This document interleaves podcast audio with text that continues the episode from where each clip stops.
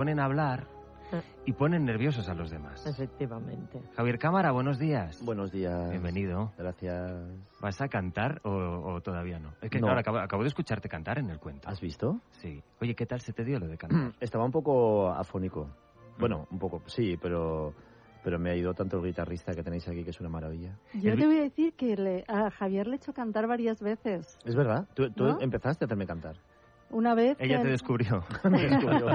no, es que él tiene un oído absoluto. Entonces, eh, una vez hice un programa de televisión y cantó una canción de Marilyn Monroe. Sí. ¿Te acuerdas, Sí, Javier? y Y a partir de ahí... Mm. eh, ¿Y eso por qué no es viral, Cámara? Pues, pues está bien que esté la cosa como está. Ah, no, no vale, hay vale. problema. no, vale, no. vale. No, no, es, él canta muy bien. Y también canta María. Em, oye, bueno, vamos a empezar por lo primero, lo más básico, que es... em, Elvira, ¿cómo ha sido esta experiencia? Ok, ya hemos escuchado el cuento, que ya lo hemos compartido con la gente. ¿Cómo es esto de reescribir Hansel y Gretel? Ay, mira, te, voy a decir una cosa. Normalmente en este tipo de trabajos uno tiene que decir que ha sido maravilloso. Mm. Entonces, Uy, vamos a no- ser sinceros desde el principio. Qué bien. aunque- no, no, hablo de proyectos anteriores. Aunque no lo haya sido, tienes que fingir y hacer una promoción y hacer una publicidad de lo que has hecho. En esta ocasión ha sido maravilloso. De verdad. O sea, no todo el proceso, todo el trabajo con la gente de la radio, todo el trabajo que ellos han tenido con los actores, o sea, ha sido una historia feliz. Eh, para empezar, me dejaron hacer el cuento que yo quería, que era Hansel y Gretel, probablemente uno de los cuentos que representan a todos los cuentos de clásicos, ¿no? Eh, por supuesto, fue uno de los elegidos por, por los hermanos Grimm. Los hermanos Grimm recogieron la, la tradición alemana. Ellos no querían hacer cuentos para niños. Ellos eran unos historiadores, recopiladores de tradiciones y entonces, pues, en ese momento estaban muy motivados por el nacionalismo alemán y querían hacer, querían, digamos, recoger la cultura de su país. Él les sorprendió muchísimo que de pronto tuviera mucho éxito entre los niños y eh, aquella fue la primera versión popular que se hizo popularísima de cuentos clásicos para niños. Entonces, son cuentos que han ido cambiando a lo largo de la historia. Hansel y Gretel sigue siendo un cuento brutal, muy, muy simbólico, pero era más brutal en sus primeras versiones, ¿no? Fue en los años de la gran sequía, en los odiosos años de la escasez. En aquel tiempo en el que los niños nos alimentábamos de hierbajos, hormigas y saltamontes, porque en los campos apenas crecía la maleza y solo los insectos sobrevivían. Fue tras la época de los grandes incendios, cuando solo un bosque quedó sobre la tierra, y la gente lo amaba tanto como lo temía. Nosotros lo hemos llevado hacia un, digo nosotros porque no voy a decir yo, ya es una creación colectiva, lo hemos llevado hacia un mundo distópico en el que ese bosque en el que Hansel y Gretel son abandonados es el último bosque que queda sobre una tierra áspera, seca, eh, que los hombres se cargaron en años anteriores. ¿Tenías claro, en qué momento tuviste claro que lo querías llevar ahí? Es decir, este no era un cuento del pasado, sino que es un cuento que mm, puede ubicarse perfectamente, tú lo estás escuchando, en el futuro y te muestra cuál es el resultado de la sociedad en la que estamos ahora. ¿En qué momento dices, voy a ubicar este mundo de Hansel y Gretel justo en un futuro que quizás está por venir? Claro, lo más importante cuando tú cuentas una historia es quién cuenta la historia, ¿no? Entonces, en los cuentos, como sabréis, se parece que, las, que los cuenta Dios o un Mm. narrador omnisciente que lo ve las cosas desde arriba, ¿no? No se implica, ¿no? Entonces, llevándolo a un terreno más moderno, pues decidí que lo contaba Gretel, que era la que lo había vivido, ya que lo había vivido, era la que podía contar la verdad sobre los hechos, ¿no? Mi hermano Hansel estaba tan hambriento el pobrecillo que le consolaba que yo le contara por la noche cuentos de gordos. Él de mayor quería ser gordo y esas viejas historias de gordinflones de la que se llamó la era del atracón mecían sus sueños. Yo escuchaba en la oscuridad cómo le crujían las tripas de hambre y abrazaba entre mis brazos a ese saquito de huesos que era mi querido hermano. Entonces eso fue lo primero. Y después, ¿por qué llevarlo a un futuro, a nuestro futuro? Pues porque de alguna manera los cuentos clásicos son tan simbólicos que tú los puedes mover de un lado para otro sin que ocurra nada, porque el cuento es tan fuerte, tan imbatible, que sigue estando ahí, sigue siendo Hansel y Gretel. En el cuento eh, realmente no sabemos, los cuentos clásicos no tienen muchos detalles costumbristas. Eh, no sabes dónde están ni en qué país, porque Hansel y Gretel también tiene su versión española. No, no sabes, parece que son cuentos que, que siempre han estado ahí y no sabemos de dónde vienen. Entonces pensé, ¿cómo lo situamos? ¿En un mundo español? ¿En un mundo.? Yo digo, bueno, vamos a situarlo en el en, el planeta en el planeta Tierra sin sin, sin más ubicaciones sin más ubicaciones y luego pensar por qué eso fue la primera imaginación. ¿Por qué ese bosque donde están abandonados no es el bosque donde son abandonados todos los niños a los que sus padres dejan? Eso fue la primera idea y yo creo que a partir de ahí es muy fácil que este presente nuestro que vivimos nos lleve a ese futuro distópico, porque al fin y al cabo los niños, estos Hansel y Gretel, se salvan por la naturaleza. Vivimos en la era del sálvese quien pueda. En la era del sálvese quien pueda. Correcto. Mira, los llevamos al bosque a la caída de la tarde. Les hacemos una hoguera. Y cuando se queden dormiditos al calor de la lumbre, nos largamos. Ellos se tienen el uno al otro. En eso llevas razón. Claro que llevo razón. Estoy harta de tener razón, cariño. María, ese momento en que ves el texto por primera vez y ves tu papel, ves la bruja, ¿Qué? Pues mm, no sé, alegría eh, por lo que me toca a mí representar.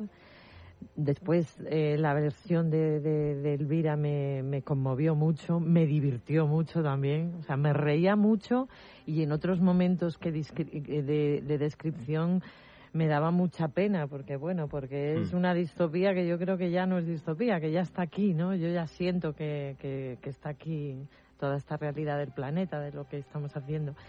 Pero bueno, la bruja, pues es la bruja. Entonces, y todo el rato, y, veía, ¿sabes qué me recordaba? La bruja de, la bruja Verías.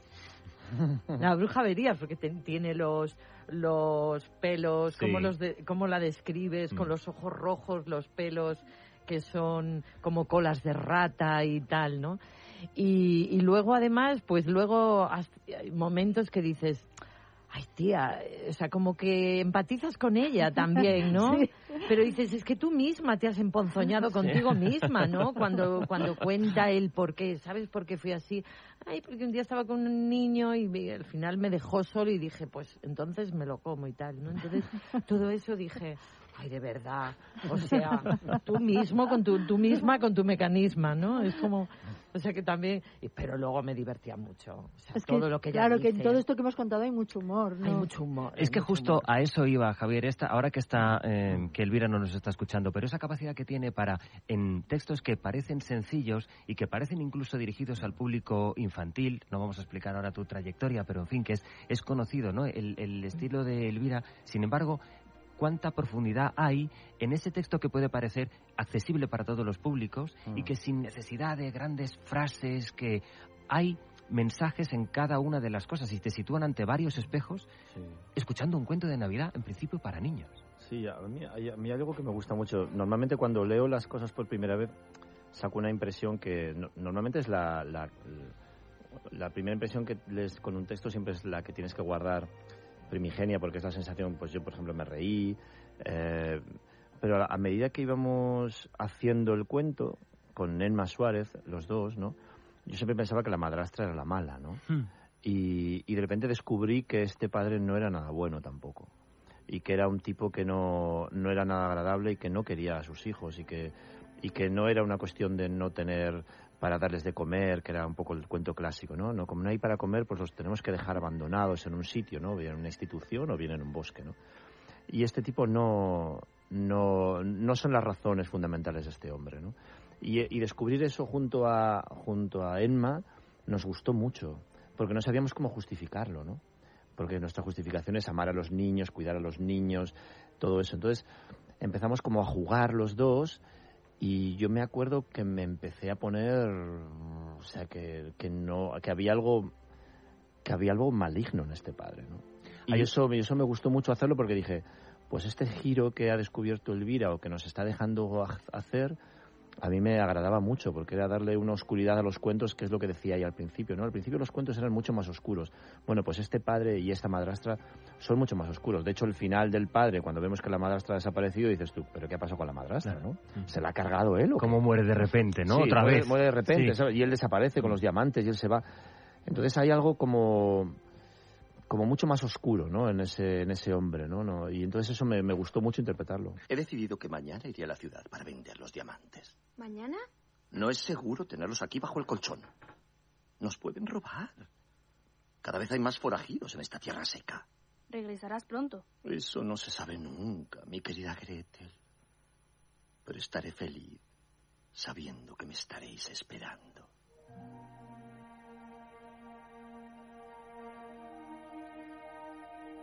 Pero es que hay un momento revelador, al hilo de lo que dice Javier, Elvira, que es que no es que lo descubra Javier cuando lo interpreta o el oyente cuando lo escucha, es cuando lo descubre a través de los niños. O sea, aquí el mm. golpe te lo da que son los propios niños, con la que por eso también el desasosiego que en muchos, muchos momentos transmite el cuento, ¿no? Siempre que hay un niño que es protagonista y que sufre, te, te conmueve eso. Pero cuando el niño descubre la realidad de su propio padre, ¿cómo hiciste este giro pero a través de los niños? Claro, e, eso yo creo que es lo maravilloso. Si es un niño que está solo, probablemente esas reflexiones se quedan para él, las interioriza y trata de colocarlas en un sitio. Yo he estudiado, la verdad, muchos eh, sobre el maltrato y el abuso a los niños. Mm. Entonces, si es un niño solo, es probable que lo coloque en un lado de su cerebro para que no le moleste.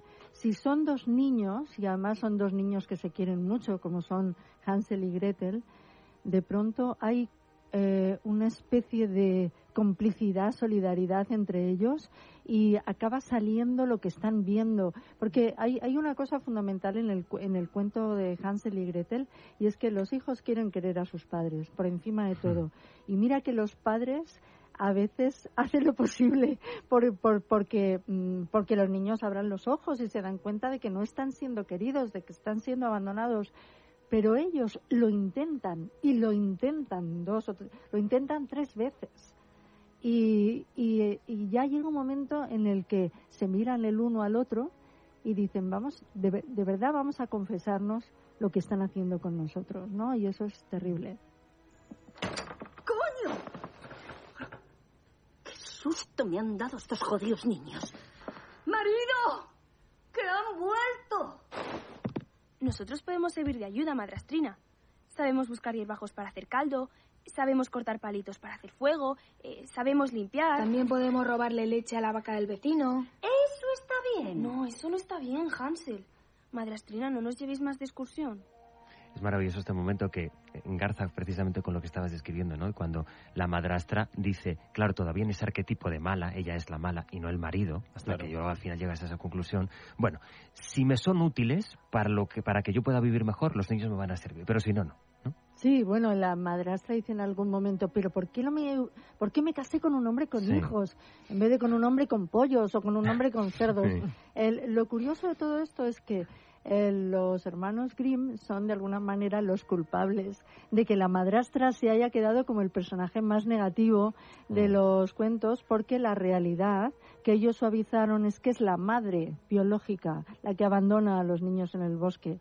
Entonces, yo creo que siendo conscientes de que a los niños que escucharan el libro, el, cuento por la noche, eso les parecería terrible, ¿cómo me va a abandonar mi madre? Bueno, pues vamos a cambiarla por una madrastra que es la que se puede llevar lo malo de la historia, pero fíjate lo que son los cuentos que se ha quedado realmente. Totalmente. O sea, yo misma, que soy madrastra, pues la, la, palabra en sí me suena mal, porque, porque te, te lleva a un papel, ¿no? Y y no sé, es, es difícil limpiar ese nombre y convertirlo en algo positivo, ¿no? Escuchando el cuento, yo decía ahora, María, que hay mucho, muchos momentos en que como oyente genera ese... quieres seguir escuchando la historia porque quieres saber cómo acaba, a pesar de que ya imaginas por dónde puede acabar, pero te genera ese desasosiego, en mi caso, pues precisamente por el sufrimiento de los niños y la complicidad que ese sufrimiento establece entre los hermanos. No sé si a la hora de interpretar y al volver al cuento, que por muchas razones nos, remite a la infancia, al actor, a la actriz, le va tocando fibras que van conectando con capítulos de su vida pasada. No, absolutamente. Cuéntame eso, ¿cómo, funciona eso? ¿Cómo van las cabezas? Yo sobre todo, bueno, en mi caso, yo sobre todo escuché los cuentos cuando era niña. Yo los escuchaba, me los ponía mi abuelo en un vinilo, en vinilos pequeñitos. Y, yo le decía a mi abuelo que hablaba con la Z, otro disquito, abuelo, otro, otro disquito, porque yo quería escuchar esas historias. Y a mí me entró todo por el oído. O sea, yo recuerdo perfectamente las músicas y las ambientaciones de aquellos cuentos. O sea, y, lo recordamos los hermanos que todavía decimos de repente mm, frases que recordamos de, de todo lo que oíamos, ¿no? Entonces, eh, el, lo escuchado para mí es, es como tan evocador y tan y siempre los cuentos tenían como una mezcla de, de, que, de que quería seguir oyéndolo y oyéndolo y algo muy triste también que me llegaba, muy triste, muy triste, muy triste, casi todos los cuentos.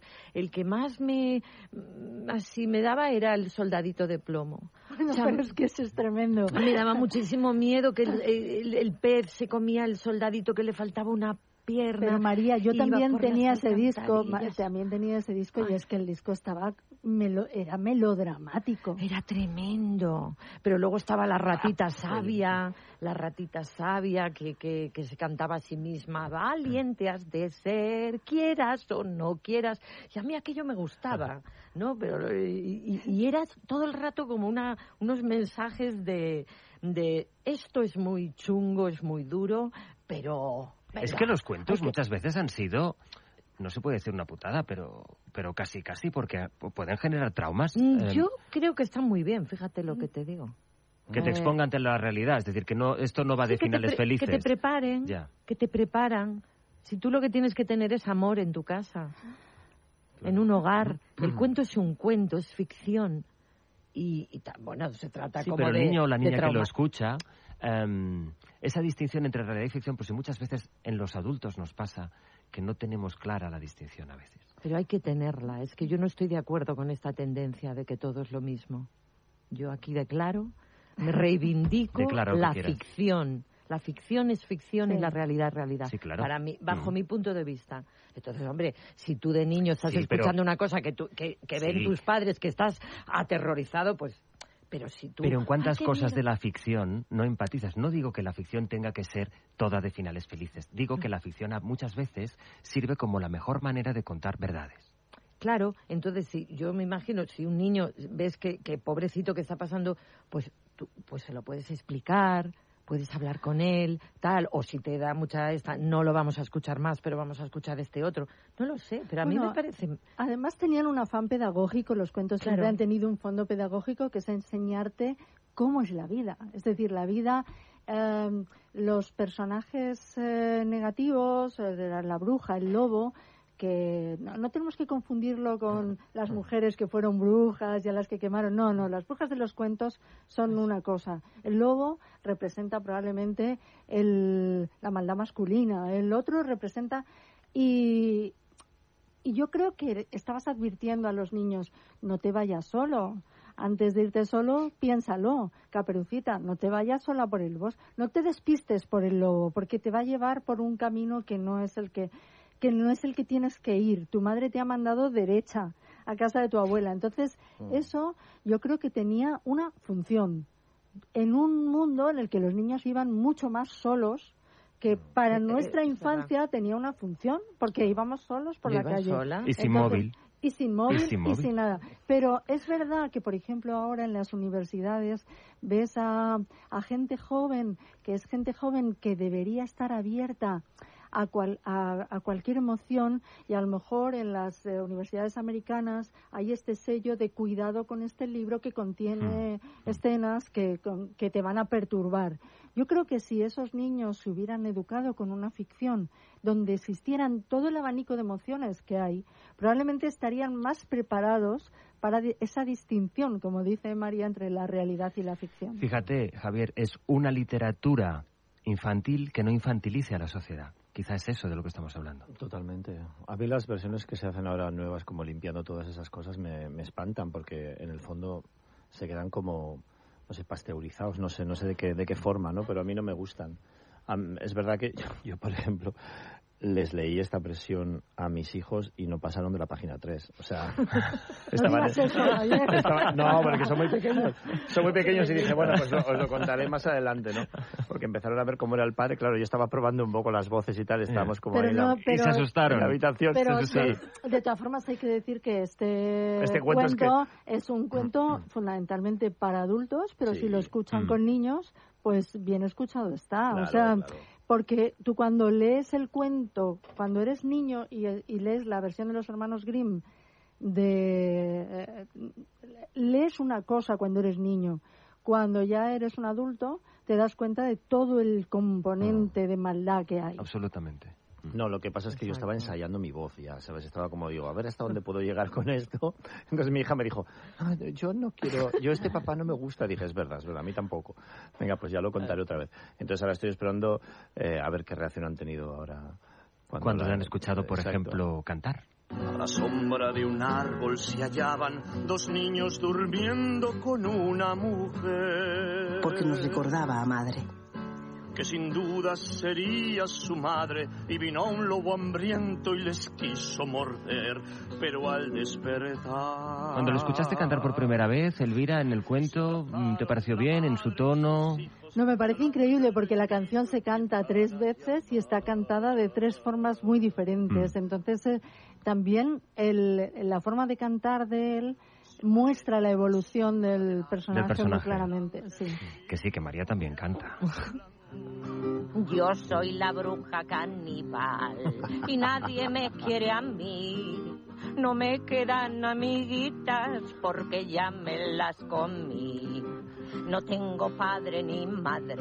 Os iba a preguntar, a, en fin, personas de vuestra trayectoria, si la típica pregunta, ¿os miráis cuando veis, un, cuando salen, sale en la tele una cosa vuestra? Cuando os escucháis cantar en la radio, ¿qué sensación produce eso? Es, precioso, es muy bonito. a, mí, a, mí, no me gusta mucho, la verdad. ¿eh? A ¿Escuchar a María? No, a María sí. Claro, yo Javier. A María, a, María, a María me gusta de todas formas. María Pujalte me gusta de todas formas, cómica, dramática, en el teatro, en el cine, en la televisión, haciendo un doblaje de Sofía Loren en gallego, me da igual, o sea, lo que quiera, yo, vamos, se lo compro todo.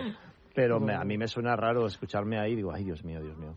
Pero bueno, sé que, sé que estaban contentos aquí, entonces... Eh, sí, están muy contentos. De hecho, os han llamado discográficas, ¿no? sí, bueno, están al caer. Están lloviendo Pues mira si se, no hay que cerrarse, perdona, no hay que cerrarse puertas. mira si se grabaran discos, como se bueno, discos, CDs ahora con cuentos para niños, ah, que los piden un montón los padres para ir en los viajes y todo ah, eso. Sí, bueno, yo, ah, yo los pido, yo los pido. Hay, hay versiones espantosas en internet, sí.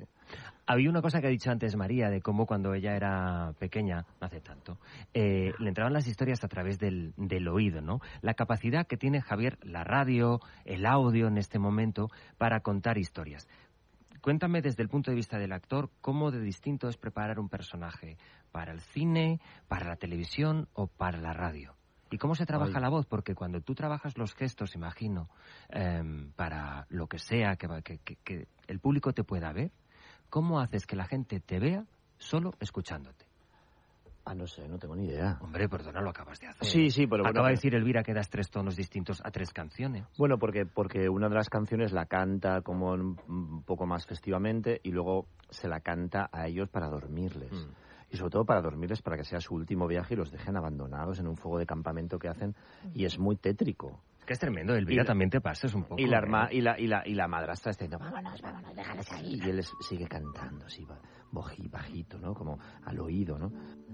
Si llamáis al ángel de la guarda, en vuestra defensa siempre me hallaréis. Mm. siempre me hallaréis. Entonces, claro, yo me pongo en mi lugar. Muchas veces digo, ostras, qué tétrico sería hacer esto con mis propios hijos. Es terrorífico. No puedes entrar en esa situación, pero es verdad que, que, que él canta las canciones en distintos momentos y, y a mí me puso muy nervioso. Sí. En la BBC se hicieron hace, yo recuerdo haber visto, pues no sé, hará, mm, no sé, hará 40 años se hicieron en la BBC unas versiones de cuentos clásicos maravillosos con unos actores como Michael Caine, o, sea, eran increíbles, ¿no? Y ahí no se ahorraban nada, de nada, de nada de lo que tenían los cuentos. Obviamente, si, si tú tienes un niño muy chico que sabes que eso le va a dar pesadillas o tal, mm. pues ah, tendrá que esperar dos años más. Pero lo que no puedes hacer es desvirtuar una... Eh, Hansel y Gretel es una obra de arte que está probada a lo largo de los siglos. Entonces lo que no puedes hacer es estar desvirtuándolo porque eh, un niño de cierta edad tiene miedo. No, espérate un poco.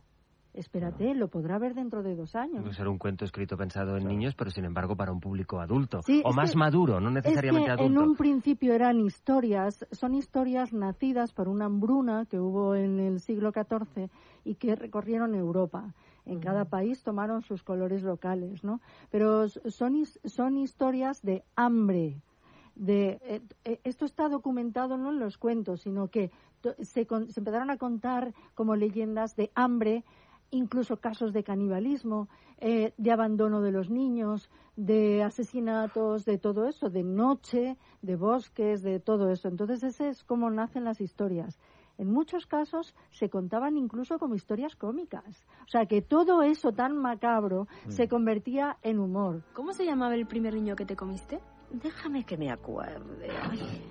Ay, hija, cómo tengo la cabeza. Es que era... Manolito. Así se llamaba, Manolito García. ¿Siempre te has liado los cigarrillos? Buena pregunta. No, no siempre. Cuando había estancos compraba ducados. Ay, mira, me acuerdo y se me hace la boca ¿Quién te dio el primer cigarrillo? Madre, claro. Anda que la pregunta. ¿Por qué hiciste la casa de chocolate? Bueno, es lo típico. En eso he sido una clásica del género.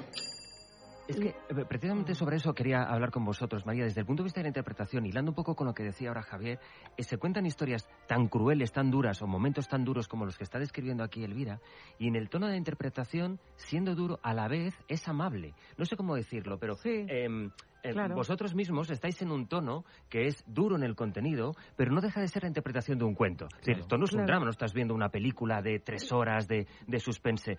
Vuestras voces son eh, no sé si es amable el tono, pero sí estáis como en un modo amable diciendo cosas que son tremendas. Sí, sí. Es, que es más terrible, es más terrible el, la maldad que sea humana, no que sea algo terrorífico que no existe y que viene el hombre del saco. Es que el hombre del saco es un señor, ¿eh? Es que el hombre del saco es un hombre. No es un ente eh, oscuro que llega una noche especial porque la luna llena. No, no, no. Es que la maldad es parte del ser humano. Entonces, los cuentos muchas veces hablan, pues sí, de las personas las, animalizan, ¿no? El, lobo, la tal, la, raposa, la tal, pero en el fondo también hay eh, personifican eh, situaciones que realmente son humanas y, yo creo que este cuento eh, que, un padre sea cruel es, es lo terrorífico, pero es que es así, es que hay muchos padres que son crueles. Pero las, voces, digamos que son un vehículo como, mm. como mm, para que se pueda contar con, con, un, con una clave, en, en, un, en una clave eh, que sería como de, dibujo animado, de fábula, fabulado, como, como, Incluso como una canción infantil. Cuando tu madre, tu abuela o tus tías, porque siempre eran mujeres, te contaban estos cuentos, integraban cancioncillas. Siempre los cuentos tenían esas canciones de, del príncipe, que mm. es enano, y, de, y ellas integraban las cancioncillas y entonces tú seguías la canción. Y luego todo esto muchas veces se contaba en los que lo hemos vivido en pueblos, en una oscuridad que se podía... Mm. Mm, mm. comer, ¿no? Entonces, la, la, gente mayor no le importaba que tú tuvieras miedo, le divertía muchísimo que tuvieras miedo, querían darte miedo. Entonces era, la verdad es que era un código tan diferente, tan diferente. Yo me acuerdo esos discos que dice María, yo también los tenía. Y tenías el soldadito de plomo, que el soldadito de plomo acababa que te morías, porque se ahogaba todo, eh, se, se, ahogaba el soldadito de plomo al final. No, había... no, se, quemaba, no se quemaba en la chimenea. No. yo creo que no, pero lo último, lo último que había era el soldadito y la bailarina se llamaban el, el uno al otro, estaban ahogándose y se oía soldadito, bailarina. Y, tú luego te ibas a dormir, ¿eh? como podías, te arropabas y te dormías. Y era, decías, pero joder que se han muerto los protagonistas. Pero, sí, era como una angustia, pero luego, pero luego dormías. Sí, sí, sí. A mí me parece más terrorífico todo lo que se ve en un teléfono ahora.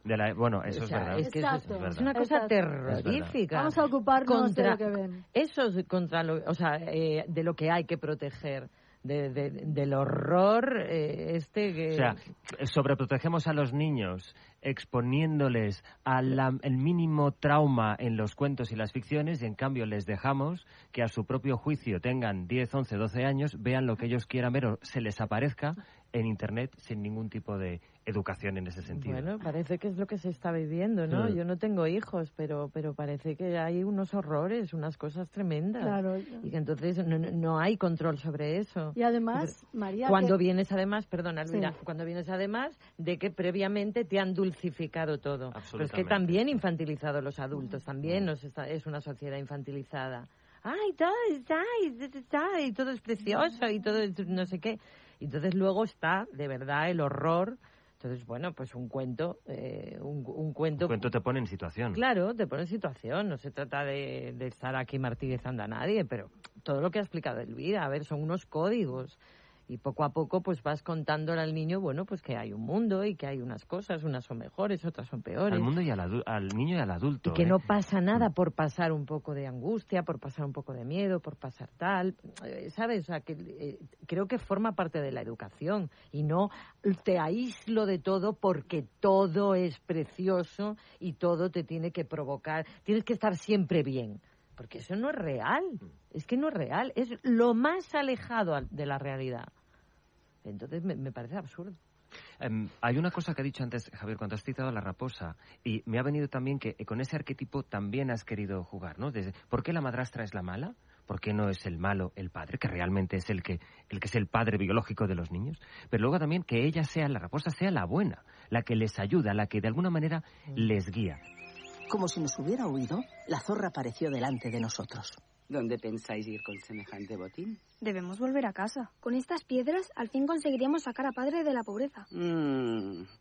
No fue padre el que os abandonó, no una, sino dos veces en el bosque. No, no, no, no. Fue madrastrina. Padre solo la obedeció. ¿Y no volverá a obedecerla? No, no, ya no porque gracias a nosotros van a ser inmensamente ricos. Y es verdad que no sé si tenemos que buscar simbolismo en cada uno de los, de los personajes que aparecen en el cuento, que quizá uno viva más feliz si no va buscando, ah, mira, este representa el bien, este representa el mal, ¿no? Pero como los cuentos, como quiera que los cuentos sí tienen un poco esa función, el querer jugar también con el arquetipo de la raposa, aquello que asociamos también al mal, que puede ser el bien, también hay un mensaje ahí, Elvira. Sí, sí, sí, bueno, porque lo, es verdad que los animales tenían elementos muy simbólicos. En el mm. caso de la zorra era un animal muy mágico que se podía convertir en otros seres. Por eso eh, está elegida la zorra como como en realidad encarna a todas las madres del mundo, ¿no? Mm. Eh, yo creo que es bonito dejarse llevar por el propio simbolismo, por lo que simbolizaban los animales en los cuentos, ¿no? Eh, ¿Qué querrá simbolizar entonces una oveja negra? Yo soy la oveja negra. Pobrecita. Ah, no, no. No sintáis pena por mí. No tengo que ver con la oveja descarriada. La otra es la que se perdió. Yo, en cambio, quise perderme. ¿No temes al lobo? Con este pelazo que tengo, no hay lobo que me hinque el diente. La oveja negra se colocó en el centro del claro del bosque. El caso es que le estoy dando vueltas y me suena la voz. Me quiere sonar. Ajá. Pero no, no, ¿Os suena, os recuerda? ¿Le veis mm, toques de, sí, algo, sí, ¿Verdad que sí? Sí. Y no sé, tú, Elvira, eh, ¿podrías decirnos un poco quién era o quién es esta voz? Pues esta voz, es, yo, yo iba a jugar con mi propia voz, pero me parecía, todos ellos estaban haciendo tanto el gamberro que dije, a ver, no voy a salir yo aquí con mi voz, que todo el mundo la conoce en la radio. Y entonces estaba en la cama estaba en la cama y empecé, yo soy la abeja negra. Y empecé a hacer así. Espera, espera, per- perdona, es que hay momentos que uno tiene que parar la entrevista. Tú estás en la cama, Sí, a punto de dormirte. Sí, yo es que tengo un punto Bien. que se me va. Entonces, ¿Puedes decirme si en ese, en ese momento estabas sola o acompañada? la- Estaba acompañada. Estabas acompañada. Sí. Muy bien. Mm. Y tú, Pero la- la... persona que estaba conmigo estaba dormida en ese momento. Dios mío, es que no sé qué es peor. Pero, Con- de todas formas, si él me oyó decir, yo soy la oveja negra, lo integraría perfectamente En su sueño, en su propio en sueño. nuestra vida. Vale. Él lo comprendería Hay un perfectamente. momento que, sabiendo que... eh, Sastre, tú eres, tú, tú, mm, No, yo eres- no- yo no tú me quieres llevarme a un terreno que no, sé yo, cuál no, es. yo creo que hay expectación, ¿verdad? Porque nos pueda describir con todo detalle, de sin escatimar Es que ninguno. no me sorprende ya. Sin ya, escatimar ninguno. ¿Cómo es ese momento eh, que con Antonio al lado, durmiendo? Yo soy la oveja negra. Es que, hombre, eso, eso. Es una maravilla. Y vas probando tonos. A ver, este tono. A lo yo mejor soy- estaba despierto y dijo, bueno, Dios mío. vamos, vamos Dios a mío. intentar llevarlo, ¿sabes? Está- Estamos los dos cumpliendo una edad, vamos, vamos a dejarla. Pero ahí sí tú juegas con ventaja porque dices, yo me pido el papel de oveja negra. ¿Por qué ese papel? No, no, porque te- teníamos que sacar animalillos del bosque. En realidad la oveja negra no representa nada. Eh, ¿Ves? y Es que- no, no representa nada en el cuento. Se podría quitar perfectamente. Mañana mismo la podemos quitar. Pero eh, quisieron, la verdad, me, me, me lo pidió Ana Alonso que interviniera también en el cuento. Pero es que está muy bien porque le da, primero le da más coralidad y luego nos descubre eh, una Elvira Lindos. Mira que conocemos Elviras Lindos, ¿eh? Ya, pero, yo- Pero esta de oveja negra, pues, ¿qué quieres que te diga? pero- Impacta, impacta un poco al escucharla. esto, no- esto no me hace bien en mi carrera. Yo creo que sí, porque demuestra tu versatilidad. Esto no me hace bien. Yo- yo demuestra tu muchas- versatilidad como animalillo. Hago muchas cosas así y luego me pregunto en mi casa, digo, esto, no sé, tendría que empezar a sentar la cabeza. Imagínate, cuando me esté muriendo, el, mi epitafio, tengo que empezar a sentar la cabeza. Claro. O yo soy la oveja. Eso, eso iba a decir, ese momento en que pasa la película de 50 segundos, un minuto de tu vida, y que uno de esos flashes sí, sí. sea soy la oveja. Los 50 negra. audios de tu Los vida, 50 ¿no? audios de tu vida. Calla, sí, que yo sí, sí. también canto, ¿eh?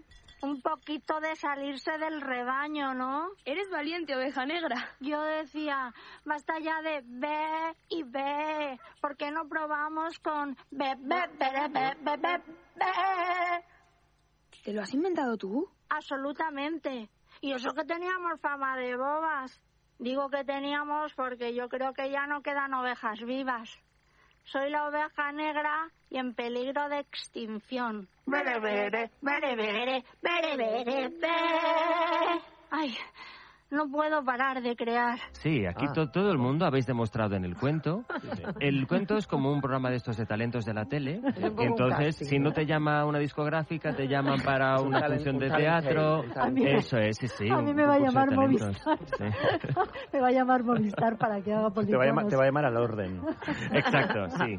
Oye, contando cosas de vuestras navidades, estas fechas que son para vosotros, ya que te- os tengo aquí, pues decidme un poco de cómo es la Navidad de Javier Cámara. Ah, pues la Navidad de Javier Cámara es en La Rioja Mm. y es muy familiar. Y todo alrededor de mi madre y de mis tías, que están ya muy mayores y muy preciosas. Vale, si saliera un cuento de la Navidad de Javier Cámara, ¿qué cuento sería? Ahora es un poco el Si fuera de Mm. Rafael Acarrá, ¿os acordáis Si de fuera, si fuera. Si fuera, si Si fuera. Si un cuento. Si fuera un cuento, eh, si fuera un cuento sería, pues no lo sé, la verdad.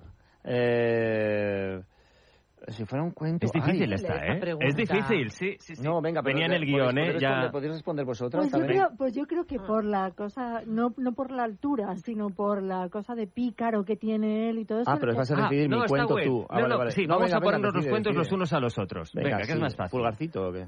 No. ¿No te acuerdas de ese cuento que cantaba Mañana tendré yo al fin un príncipe que me sirva? Es el enano saltarín. Yo creo que le va mucho porque es va robando ahí Mm. chicas y no sé qué. y- y es, es pícaro, es un pícaro. Vale. A mí Bueno, me vale. llaman enano saltarín y no sé si me lo tomo bien. A mí, que No, a Elvira me puede pero- llamar lo que quiera. Pero, O sea, en esta no, ahora mismo me podéis llamar lo que quieras, me cabe, es que me cabe no, todo. Yo que sé, que va a hacer la Cenicienta, Blancanieves, ¿no? No, eso claro, claro. No sé. Bueno. No, estaba pensando pulgarcito o... O el- el- pulgarcito, mira, mira, también se ha cogido uno pequeñito. Sí. O garbancito. Un garbancito. garbancito en la barriga del buey, que luego explotaba la barriga del buey. Es ¿No era un que- pedo? Pero ¿Era qué cuentos? Son tenías, muy María, pero... hardcore. Sí, sí, era muy muy total. Yo me imaginaba ahí el, el, el buey ¿Pero explotando. tú te ves ahí dentro de ese cuento? No. Dime un cuento que te, que, que te de- identifique. Ah, bueno. eh, La gatita presuñida. Sí. Hombre, de niña mi favorito era la Cenicienta. Ya. Mi cuento favorito era la Cenicienta. El zapatito de cristal. Pero ese tiene final que le encajaba. Yo decía, uy, le, ca- le cabe en el pie. Ay, ella tiene el pie para el zapatito de cristal. Me encantaba, pero al mismo tiempo decía, ay, pero un zapato de cristal es muy Tiene que ser incómodo, ¿no? Eso no articula, Sí. ¿sabes? Y pensaba también en eso. Fíjate qué cosas Elvira, más ¿tú raras. cuál? Yo, yo, yo, sinceramente, saliéndome un poco de los clásicos, me quedaría con Pipi. Y calzas largas. Sí, sí, Tú es sí. que eres muy sí. Pipi, calzas largas, Y, ¿no? y, y entonces eh, y haría esa escena en la que va al colegio, no sé si os acordáis, que va al colegio por primera vez y única vez, porque ella no está No escolarizada. está. Y entonces le hace una pregunta a la maestra y dice, pero si yo he venido aquí por las vacaciones. Pues, esa es la mejor vida que hay, ir a trabajar por las vacaciones. Pipi es fascinante, sí, sí. Sí, sí. Porque vosotros tres eh, os lleváis bien. O Sí. sea, Nosotros somos amigos. Sois amigos. claro. ¿Cómo es eso de trabajar con amigos? Pues A mí yo- una maravilla. Hay una cosa que me gusta muchísimo de estas dos personas que tengo hoy enfrente y es que, Hola.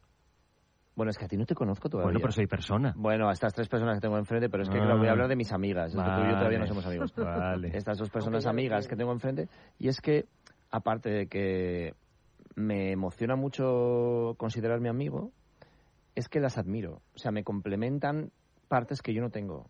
Y eso es lo que te puede hacer un buen amigo. Por ejemplo, María y Elvira son de las dos personas que han decidido en momentos muy difíciles de mi vida, han decidido cosas para mí que yo no era capaz de decidir y las decidieron ellas y me ayudaron de tal manera que dije, jo, qué bien tener unas amigas tan coherentes y tan tal. Y después, otra cosa, son dos grandes payasas, son, son el humor absoluto, o sea, eh, a mí me consideran un, humor, humorista o que un cómico, no sé qué, no- o sea, quiero decir, a Pujalte, yo, eh, cuando hemos currado juntos ha sido el placer absoluto como compañera, como, como actriz, y Elvira lo mismo, o sea, quiero decir, estoy, estoy delante de dos de las personas de las que más admiro en mi vida, y después las considero amigas, pero por delante de eso hay otras cosas mucho más importantes. Y yo creo que en eso consiste ser amigo, ¿no? O sea, primero por- soy amigo por egoísmo de ellas. O sea, por egoísmo mío, quiero decir. Porque me, porque me ayudan mucho, porque me complementan, porque me hacen aprender muchas cosas, porque me hacen volver a un sitio, como decir, de, de- de- ¿sabes? De decir, oye Javier, espera, asiéntate, que estás, que, que estás, que estás volando por ahí. Ah, sí, es verdad. Eh, coherencia. Y a la vez me hacen volar. Entonces, son, son dos mujeres impresionantes. Impresionantes. Son la familia que uno va construyéndose, aunque no nos veamos mucho, aunque no nos tengamos muy presentes y tal, pero siempre que estoy con María, siempre vuelvo al estado donde estábamos la última vez, ¿no? Y con Elvira igual. Y nos vemos de Pascuas a Ramos, Sí. porque no paramos de. Pero para trabajar es muy bueno. Yo creo que es un privilegio poder trabajar con un amigo. Porque en, en nuestro caso, que es en la interpretación, tú necesitas, tú siempre trabajas con el otro. Mm, tu trabajo no lo haces tú solo, nunca. Tu trabajo está en la mirada del otro, m- en gran parte. Entonces, para eso necesitas confianza, para eso necesitas estar como en casa, ¿no? Para cuanto más así estés, yo por lo menos noto que me relajo más y que me permito más cosas y que todo sale de otra de una manera que tú no lo haces por mucho oficio que tengas o control o tal. Yo por lo menos trabajo mejor en confianza, me noto yo mejor. Entonces, claro, con un amigo pues es, es una maravilla. O sea, mm, cuando, cuando hemos trabajado juntos es que es muy fácil, es, muy- es todo fluye, ya- eso ya está, ¿no? Entonces, Eso es una gozada. Qué maravilla, ¿no? No, no añadiría mucho por la emoción, pero sí que pienso que gente como amigos como Javier y como María me permiten meterme un poco en un mundo del juego de los cómicos y que me tienta mucho y que me hace salir del mío que que el mío me gusta, pero no me gusta absolutamente, no me gusta, del- o sea, no, no me gusta todo lo del mío. Entonces, ya, bueno, a mí tampoco del mío, ¿eh? No, pero, Eh, pero sea, vosotros tenéis claro. una ventaja en eso, o por lo menos así lo vemos desde fuera, cuando uno es actriz o actor, puede jugar en su trabajo a ser distintas personas. Y eso es verdad que los demás, bueno, y los creadores también a veces os metéis en vuestros personajes. Sí, pero tenemos, parece que tenemos que dar una imagen como... cuando yo te decía hacer la tontería esta de la oveja negra, a mí me resta valor, eh, lo decía em, em, con alegría, pero que es verdad que parece que te dedicas a escribir y tienes que tener una imagen mm. determinada y no hacer payasadas. Yo quiero tenerlos a ellos como amigos porque esa parte de payasada a mí me gusta, me tienta, me hace feliz. Pero esa complicidad para mí es importantísima también como actriz eh, con la persona que escribe, con ese texto que me llega. O sea, cuando digo que yo no trabajo sola, nadie trabaja solo, lo, a lo primero, lo primero que tienes es, es la palabra, mm. o sea, lo que está ahí escrito, que es lo que te va a permitir a ti eh, lucirte si es que eres capaz, ¿no? Pero lo primero es lo que está escrito. Entonces, tener esa complicidad de algo tan bonito que está escrito, expresado, a, mí son las palabras las que me emocionan. yo noto que es el texto mucho el que me el que me agita por dentro también, ¿no? Entonces, bueno, pues eh, eh, poder tener el privilegio de, de, conocer a Elvira y de, y de trabajar sobre lo que ella escribe, porque ellos trabajan solos. Y eso debe ser muy duro, debe tener con sus Antonio cosas durmiendo buenas. al lado. Trabajan en soledad, debe tener su cosa dura y su parte divertida.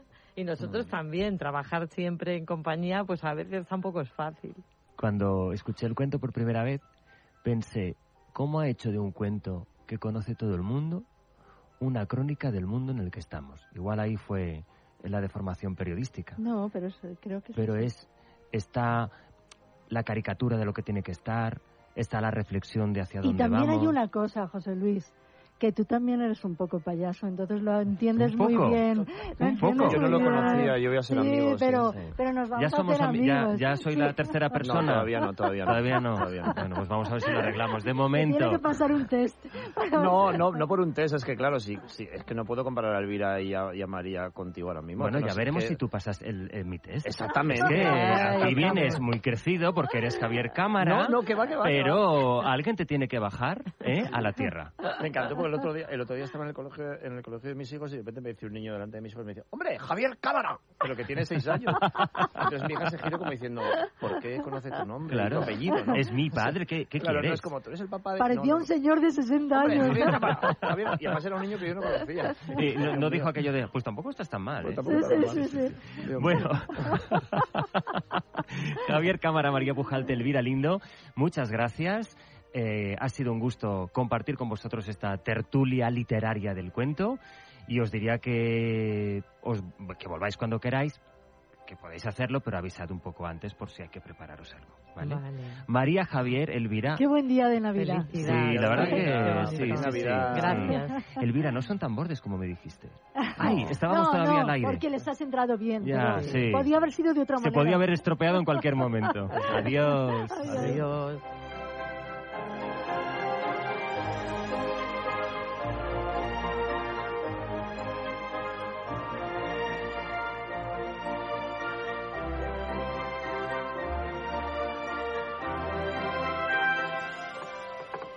En el banco del porche me siento a mirar el cielo.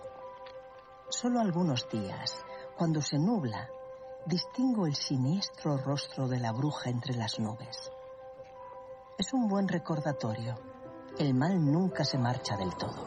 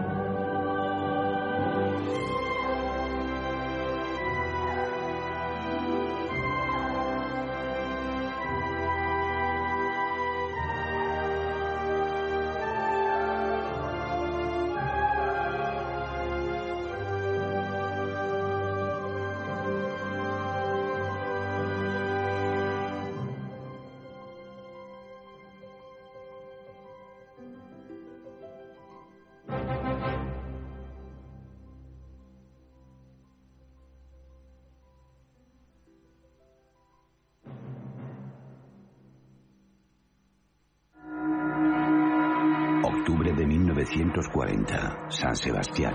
Un tipo con cara de melífluo, gafitas redondas, bigotito, las sienes rapadas, gorra militar con una calavera en el frente y abrigo de cuero largo, pasea en mitad de la lluvia camino, primero, del Palacio Provincial. Era el genocida nazi Heinrich Himmler, Aquel tour de Himmler fue justo en los seis días previos a la cita de Hitler y Franco en la estación de Endaya. Y siguiendo los pasos de Heinrich Himmler, conoceremos el final de esta historia. ¿Qué salió de aquella cita en Endaya de dos tipos de derechas con bigotí? La película se titula Cualquier tiempo pasado fue anterior. Dijo Franco, pues mira, ya no voy a ser neutral. Ahora voy a ser no beligerante. La dirige Nieves con Costrina y la pueden escuchar que no ver este domingo a las 7 de la tarde en la cadena Ser.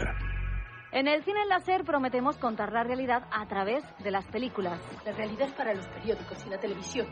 Mira el resultado. De tanta realidad, el país está a punto de explotar. Y como Chus Lampreave, siempre diremos la verdad. Ya me gustaría a mí mentir, pero eso es lo malo de las testigas, que no podemos. Prometemos hacer rabiar a los haters. ¿Que los llamáis vosotros así? Yo no los llamo haters. Yo los llamo hijos de puta. Y encandilaremos a los fans. Y siempre sobrios, por supuesto. Jazzmaster es una bebida que usaban los nazis para hacer hablar a la gente. Los sábados a las siete y media de la mañana y a las 3 de la madrugada la versión extendida en la cadena SER.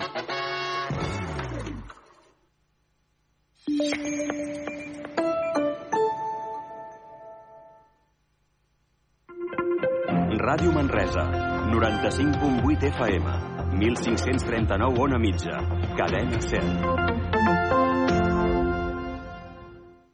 Atenció, curs d'operador carretilla elevadora. Tipus de carretilla, frontal, apilador i transpalet elèctric. Possibilitat de fer també carretilla retràctil segons demanda. Preu per a particulars, carnet de carretilla, frontal, apilador i transpaleta elèctrica, 150 euros. Carnet de carretilla frontal, retràctil, apilador i transpaleta elèctrica, 180 euros. Els treballadors tenen la possibilitat de bonificar el curs a Fundae per empreses. Informació a GCT Plus Consultoria i Formació. Telèfon 722 76 41 11. E-mail formació arroba gctplus.com.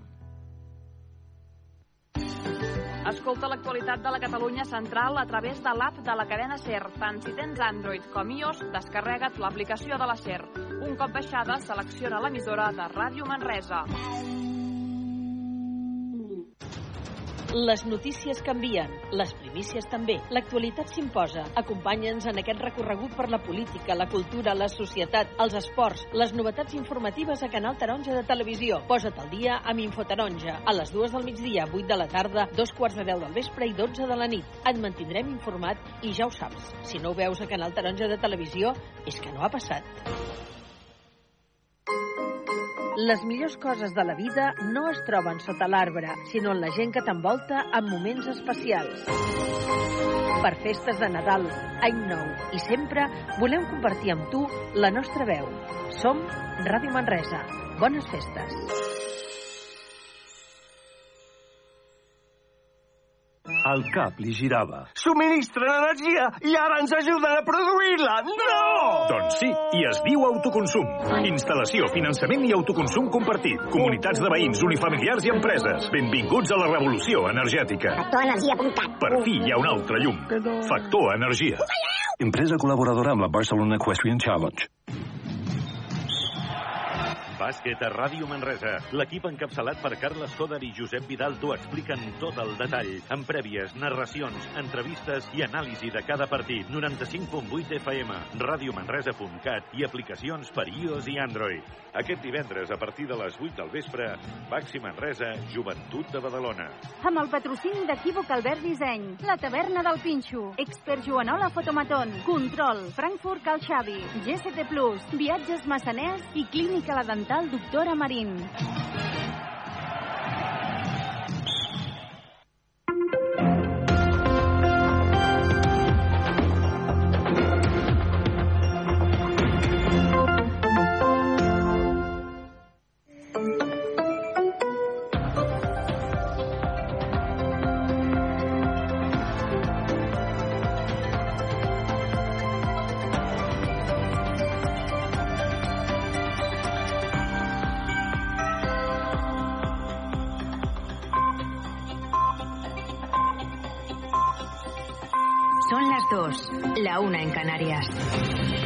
Hora 14. En la SER. Lo que pasa, lo que importa.